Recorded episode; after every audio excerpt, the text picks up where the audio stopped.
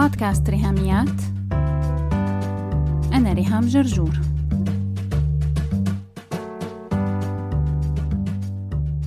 مرحبا. مرة في واحد ساكن بالطابق الأول. قرر يستعير مكواية من جارتهم اللي ساكنة بالطابق السادس. هو وطالع لعندها بلش يعول الهم. هلا بتسألني بدك تكوي قميص ولا بنطلون؟ لو قميص حطها على حرارة واطية. لو بنطلون لازم تعلي الحرارة. وصل على الطابق الثاني.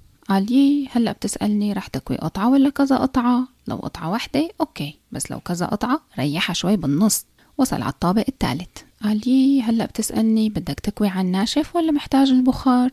لو على الناشف مو مشكلة بس لو محتاج بخار حط لها مي من الفلتر مو مي عادية. وصل على الطابق الرابع وهو عم يفكر هلأ بتسألني عندك ترابيزة مكوى ولا رح تكوي على السفرة؟ لو عندك طاولة للكوي مو مشكلة. بس لو رح تكوي على السفرة حط بطانية تحت القميص حتى ما تتخربش المكواية أخيرا وصل على الطابق السادس ورن الجرس وفتحت الجارة. راح صرخ بوشها وقال لها عنه ما حدا استعار منك مكواية حلقة اليوم عن الهم والقلق وكنت الصراحة عايلة هم هالحلقة وقلقانة منها. فقررت أني يمكن لو بدأت بنكتة نقدر أننا نخفف من وطأة الموضوع. بس اختيار النكتة ما كان سهل الصراحة لأني كنت محتاجة نكتة relevant لموضوع الحلقة مو أي نكتة وخلاص. فتذكرت نكتة هالزلمة يلي محتاج يستعير مكواي لأنه تسلسل أفكاره كتير بيشبه التصعيد يلي بيحصل جوا دماغ الشخص القلوق لو انت من هذا النوع وبتقلق كتير يبقى welcome to the club. ورح نسمي هالنادي تبعنا نادي قلقانة خانم أو قلوقة هانم من أهم شروط انضمامك لهالنادي هي مهارات القلق وعولان الهم سواء اكتسبتيها خلال حياتك أو ورثتيها أبا عن جد أو بالأحرى ورثتيها أما عن جدة مثل حالاتي.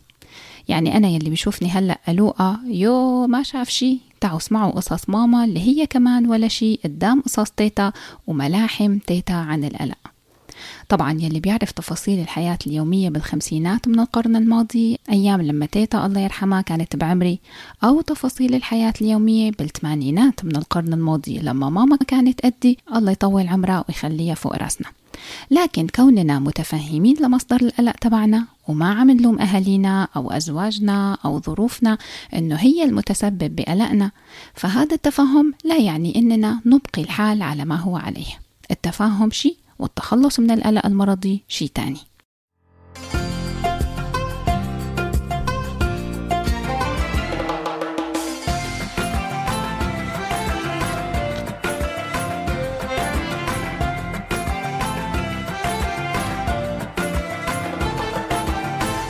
بودكاست ريهاميات بيقول كل سنة وأنتم سالمين لكل المعيدين بعيد الفطر السعيد. إن شاء الله يا رب ينعاد علينا وعلى عائلاتنا وبلادنا بالخير والصحة والسلام يا رب.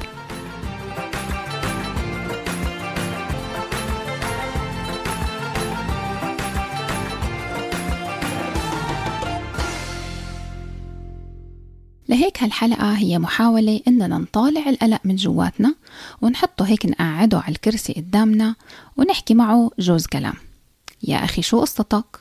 وبعدين معك؟ لهيك أول شي خلونا نتفق عليه إننا رح نستخدم هالكلمتين كمترادفات هم وقلق مع إننا ممكن نميز بينهم بحسب كلمات الإنجليزي إنه الواحد المهموم يعني worried بينما واحد قلقان يعني anxious الأنكزايتي هي أكثر شوي من الوري بس نتيجتهم واحدة والقواسم المشتركة بينهم واحدة وتأثيراتهم المدمرة لحياتنا واحدة.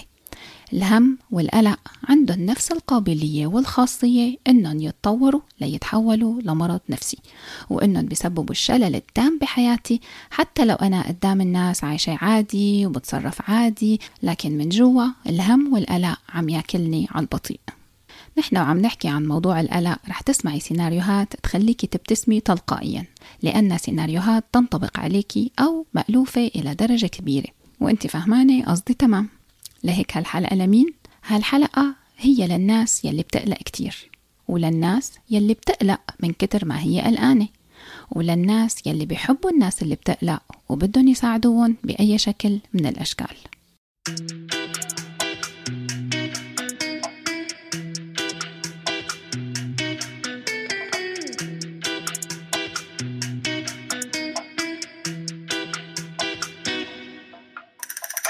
لو انت مانك من النوع اللي بيقلق فممكن تفكري إنه الحل بسيط يا جماعة. ليش مكبرين القصة؟ سهل الحل. أول خطوة حددي مسببات القلق وخلاص. الوعي بخلي القلق يتلاشى. لأنك عرفتي الأسباب فسهل تتعاملي معه وبالتالي القلق يروح. الحقيقة أنه أي حدا جرب هالسكة بيعرف أنه هذا كلام منطقي جدا. لكن العجيب الغريب أننا كل ما طبقناه بيفشل وليكو القلق قاعد مثل ما هو. نصيحة تانية أكيد خطرت لك وخطرت لي. أنه تعريف القلق بكل بساطة أنه عبارة عن مجموعة أفكار سلبية وغير عقلانية. تمام. معناتها الوصفة الأنجح ورقة وقلم واكتبي ورايا يا ست الكل. واحد نحدد الأفكار السلبية والغير عقلانية. اثنين رح نغيرها بأفكار إيجابية وأكثر عقلانية. ثلاثة سيبيها كده تطبخ في دماغك وكل ما تلاقي فكرة سلبية استبدليها بوحدة إيجابية وصحتين وهنا ضن خلاص انحلت المشكلة. لكن الحقيقة أننا نحن معشر نادي ألوء هانم وأخواتها. منكون في معظم الأحيان عارفانين تمام شو هي الأفكار الصح وشو هي الأفكار يلي المفروض أننا نفكر فيها. فهالوصفة بتنجح لبورها من الزمن؟ وسرعان ما بعدها بيرجع يتسلل القلق ويتسرب مثل المي اللي من تحت الباب. بينساب وبيبلل حياتنا بالبؤس من أول وجديد. هلا مشكلتي أنا مع الوصفة التانية إني لما بحارب أفكار القلق بأفكار تانية بتقوم بتفهمني غلط وبتنتعش أفكار القلق كأني جبت لها أصحاب للحفلة. إنه أفكار القلق أساسا أنتو مين عزمكن وهدول الأفكار العقلانية جايين يهشوكن مو يلعبوا معكن وتتحالفوا ضدي. وبصير مهمومة أضعاف من كتر ما أنا شايفة حالي hopeless case. جوات راسي نقاشات وجدالات وحوارات وخناقات لا نهائية مع نصائح ذاتية وحوارات عقيمة. تأكد لي أكتر وأكتر إنه فيني شي غلط. أكيد فيني شي غلط فبقلق بزيادة.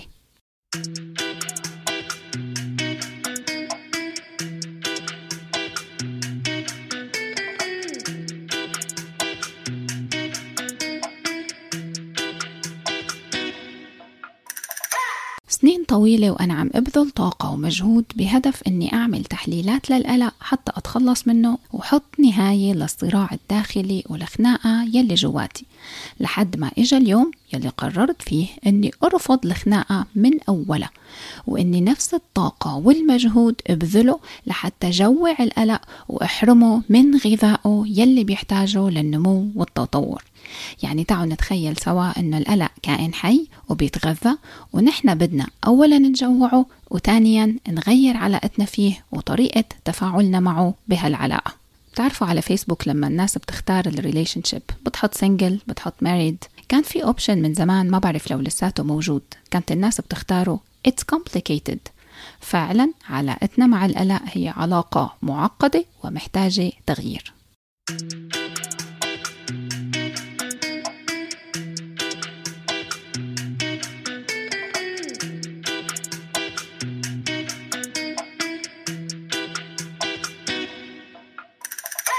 على فكرة هذا الكائن العجيب يلي قعدناه على الكرسي وناويين نغير علاقتنا معه.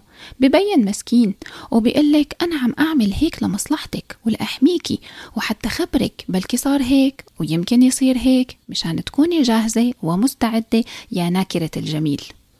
لا تردي عليه للقلق هو ذكي وبيخدعنا. القلق بيخدعنا لما بيتخفى تحت مسميات تانية حلوة وبراقة فبيخدعنا إننا منفكر حالنا محتاجينه. فلو سألتك هلأ هل أنت محتاجة signals مؤشرات أو علامات خطر؟ آه طبعا أنا محتاجة يافطات مثل يافطات المرور لو كنت سايقة هي أساسية إشارات المرور وعلامات الخطر طيب هل أنت محتاجة رسائل تحذير على طول الطريق بيومك وبحياتك؟ آه طبعا محتاجة منبه محتاجة ضوء أحمر زمور طوارئ sensor حريق طيب هل أنت محتاجة أخبار؟ يي أكيد مين فينا ما بيحتاج يقرأ جرايد ويحضر نشرة الأخبار على التلفزيون وكمان يتابع الأخبار على ال social media. okay. هل أنت محتاجة نداء يقظة للتحفز والعمل؟ آه أكيد أكيد. هذا بقى صوت الضمير. مو تخويف لكن نقزة زقة لقدام. دافع كتير مهم لولاه ما كنا مننجز ومنشتغل. شفتي كيف القلق بيتنكر؟ هاي وحدة من خدع القلق إنه ما بيخلينا نعرف نفرق ما بين الأفكار يلي بتقود لأكشن عملي وواضح ومفيد وبين الأسئلة العقيمة التي لا إجابات لها والتي لا تستاهل مننا كل هالتفكير والهم.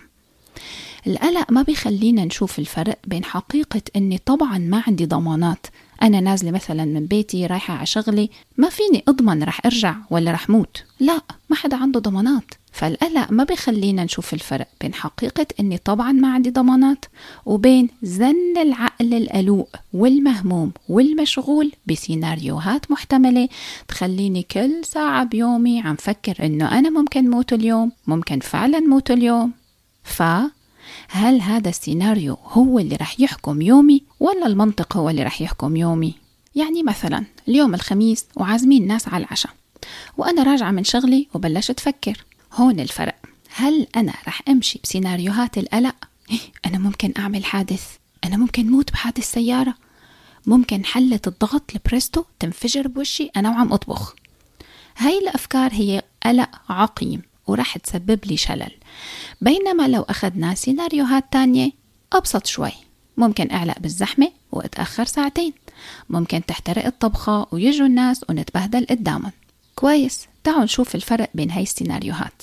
لما تخطر ببالي هالأفكار هل هي رح تزيد التوتر والقلق تبعي ولا رح جرب فكر بطريقة منطقية؟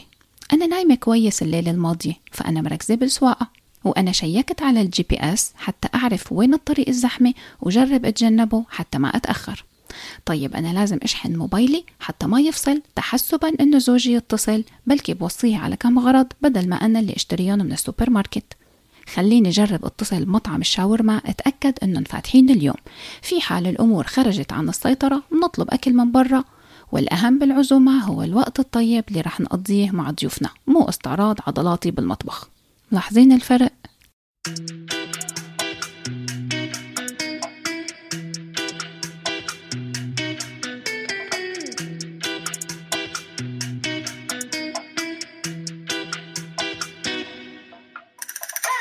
جلسة الصراحة اللي قاعدين مع القلق لنغير علاقتنا معه. فيها كذا نقطة مهمة نخليهم ببالنا. واحد إنه شبه بالإجماع كلياتنا موقفنا من القلق هو الرغبة بالتقليل منه بحياتنا. يعني شي مرة سمعتي عن حدا كاتب ليلة راس السنة إنه من أهدافه بالسنة الجديدة هي زيادة القلق. أو شي مرة لقيتي حدا سجل كورس لزيادة القلق بحياته أو اشترى كتاب كيفية تعلم القلق في خمسة أيام بدون معلم؟ اثنين إنه تاريخه للقلق وسجله يفتقر إلى الدقة يعني القلق ما بيقدم نصائح وتحذيرات عملية. مثل التحذيرات يلي بيقدموا لنا إياها جيراننا. لو كانوا مثلا سهرانين على البلكون وشافوا حرامي عم يسرق سيارتنا بيقوموا بيتصلوا فينا وجوزي بينزل للحرامي أو بنطلب له الشرطة. بهالحالة بنكون ممنونين للجيران بس القلق ما بيعمل هيك. القلق هو أسطوانة بتلف وبتعيد وبتزيد تخويف بمشاكل محتملة. ما فيها شي جديد. كلياتها أمور واحتمالات نحن بنعرفها لكن هي أحداث مبالغ فيها زيادة عن اللزوم أو احتماليات أنها تصير ضعيفة جدا. ثلاثة القلق هو أفكار بتجيلنا وليست أفكار نحن نسعى لها إراديا. ما بنركض وراها لكن هي بتظهر بشكل تلقائي على الرغم من مقاومتنا إلها. وأحيانا بيكون في شيء أثارة أو كان التريجر موقف معين رجع لي ذكرى صعبة ومؤلمة غير مرغوب فيها. أربعة مشكلة القلق بالمقارنة. لأني بشوف الناس من الظاهر كتير هاديين وواثقين من نفسهم فهذا بيزود همي أنا وقلقي. لأني بفكر إنه ما في غيري عم يفكر هالأفكار وما في غيري عنده أفكاري. لكن الحقيقة إنه هالمقارنة غلط كتير لأني عم قارن بين يلي عم يصير بالنهايات العصبية جوا دماغي أنا مع يلي عم يصير على سطح الجلد عند الناس التانيين. كأني عم قارن بين بندورة وديناصور. ما في مجال للمقارنة. مو عدل ولا صح. يكون عندي منبر أقدم من خلاله محتوى يعمل فرق حقيقي بحياة الناس وتحديدا بحياة المرأة الناطقة باللغة العربية حول العالم فهذا المنبر أنا بالنسبة لي بعتبره شرف. وهالمنبر مقسم لثلاث قنوات بودكاست ريهاميات يلي هو مدونة صوتية مسموعة وموقع ريهاميات dot com يلي هو مدونة مكتوبة مقروءة ويوتيوب channel ريهام جرجور يلي فيه فيديوهات مرئية. وهالثلاث قنوات بيخدم عليهم صفحة فيسبوك وحساب على إنستغرام. لحتى حافظ على المحتوى إنه يكون مجاني ويكون كمان قيم من حيث المضمون ومن حيث الشكل كمان والقالب يلي بقدمه فيه.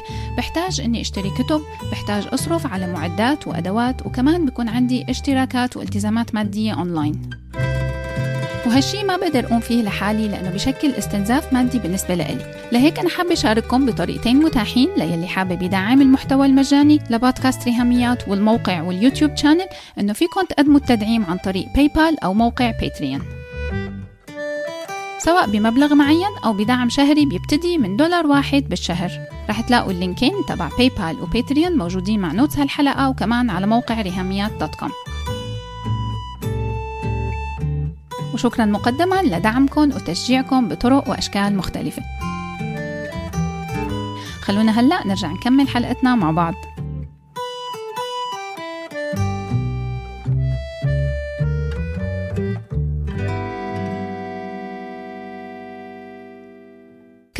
لما براقب الناس. بشوف وقفتهم حركات إيديهم هدوء نبرة صوتهم وكل هالأمور الخارجية بتخليني أفكر باللي عم يصير جواتي أنا كيف ولعان الحرب العالمية الثالثة. مع أنه يمكن هدول الناس عندهم نفس القلق والاختلاف الوحيد أنه هني كيف عم يتجاوبوا مع القلق تبعهم. خمسة السيناريوهات يلي بيطرحها القلق مانا مبنية على احتمالية حدوث هالمصيبة.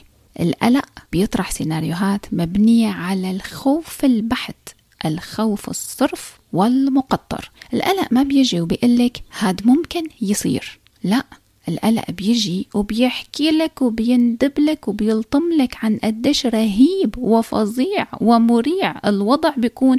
لو هالشي صار لما هالشي يصير إذا صار بس هو وارد يصير لا هو أكيد رح يصير. إلى آخره إلى آخره. حالة لا منطق. كأني أنا عم أقول إني رح موت بحادث سيارة وبلش شوف السيناريوهات البشعة. بينما المنطق إني لو عم أشتري سيارة بعمل موازنات معينة بأفكاري حسب السعر، توفير البنزين، المتانة، السرعة إلى آخره، يعني بعمل عملية مراجعة على الحقائق حتى أتخذ القرار بناء على احتمالات ممكن تصير. مو بناء على إني جزمت إنه هالشي رح يصير حتما. يا ويلي ويا مصيبتي وأكيد. يا لهوي. أنا قلت أكيد اشتقتوا لليا لهوي وصار لنا زمان ما حطيناها بالحلقات.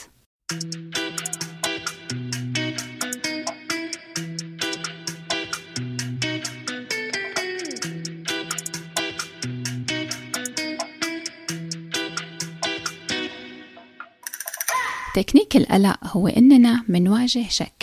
منقوم منتعامل معه على إنه خطر حتمي قادم. لا في فرق بين المستقبل المجهول وبين الخطر الحتمي.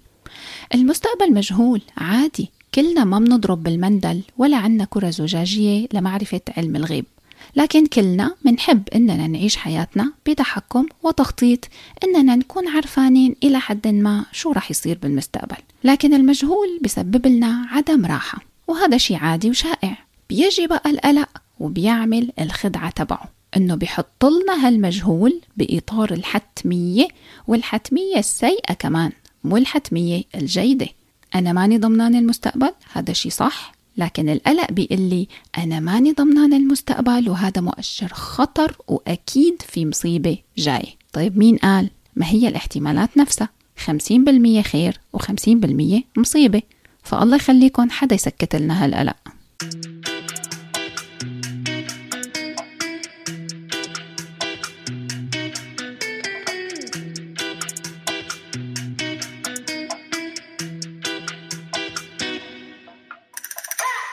أنا بحسن نية ولريح حالي ببتدي هش الفكرة الغير مرغوب بها وببلش قاومها بحجج وتفاؤل.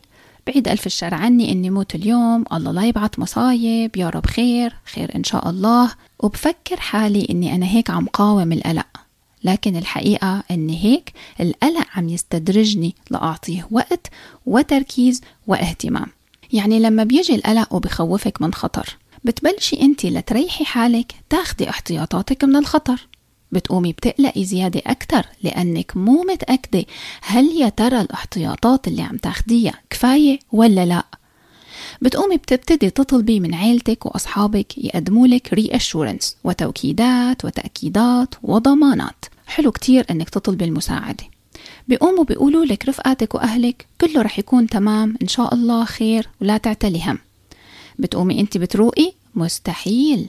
بتصيري بتقولي لحالك آه هني عم ياخدوني عقد عقلي حتى بس يسكتوني وبطل أحكي عن الموضوع. وبتغوصي أعمق وأعمق بخوف أكتر وقلق أكتر. شو الحل يا ترى؟ رح نعرف بالحلقة الجاي. خلوه للقلق قاعد على الكرسي ومستني لصباح الجمعة الجاي وموعدنا مع حلقة جديدة من بودكاست ريهاميات. بس هيك. لو عجبتكم الحلقة لا تنسوا تشاركوها على ال social media حتى ناس أكثر تستفيد. تقدروا تتواصلوا معي عبر الموقع الإلكتروني لبودكاست ريهاميات www.rihamiat.com أو تبعتوا لي إيميل على ريهاميات at gmail.com أو message واتساب على الرقم 020 12 79 709 719 وعلى الفيسبوك دايما تابعوا صفحة وهاشتاج ريهاميات. سلامات. في كوعك خليك في البيت ويا رب الشدة تهون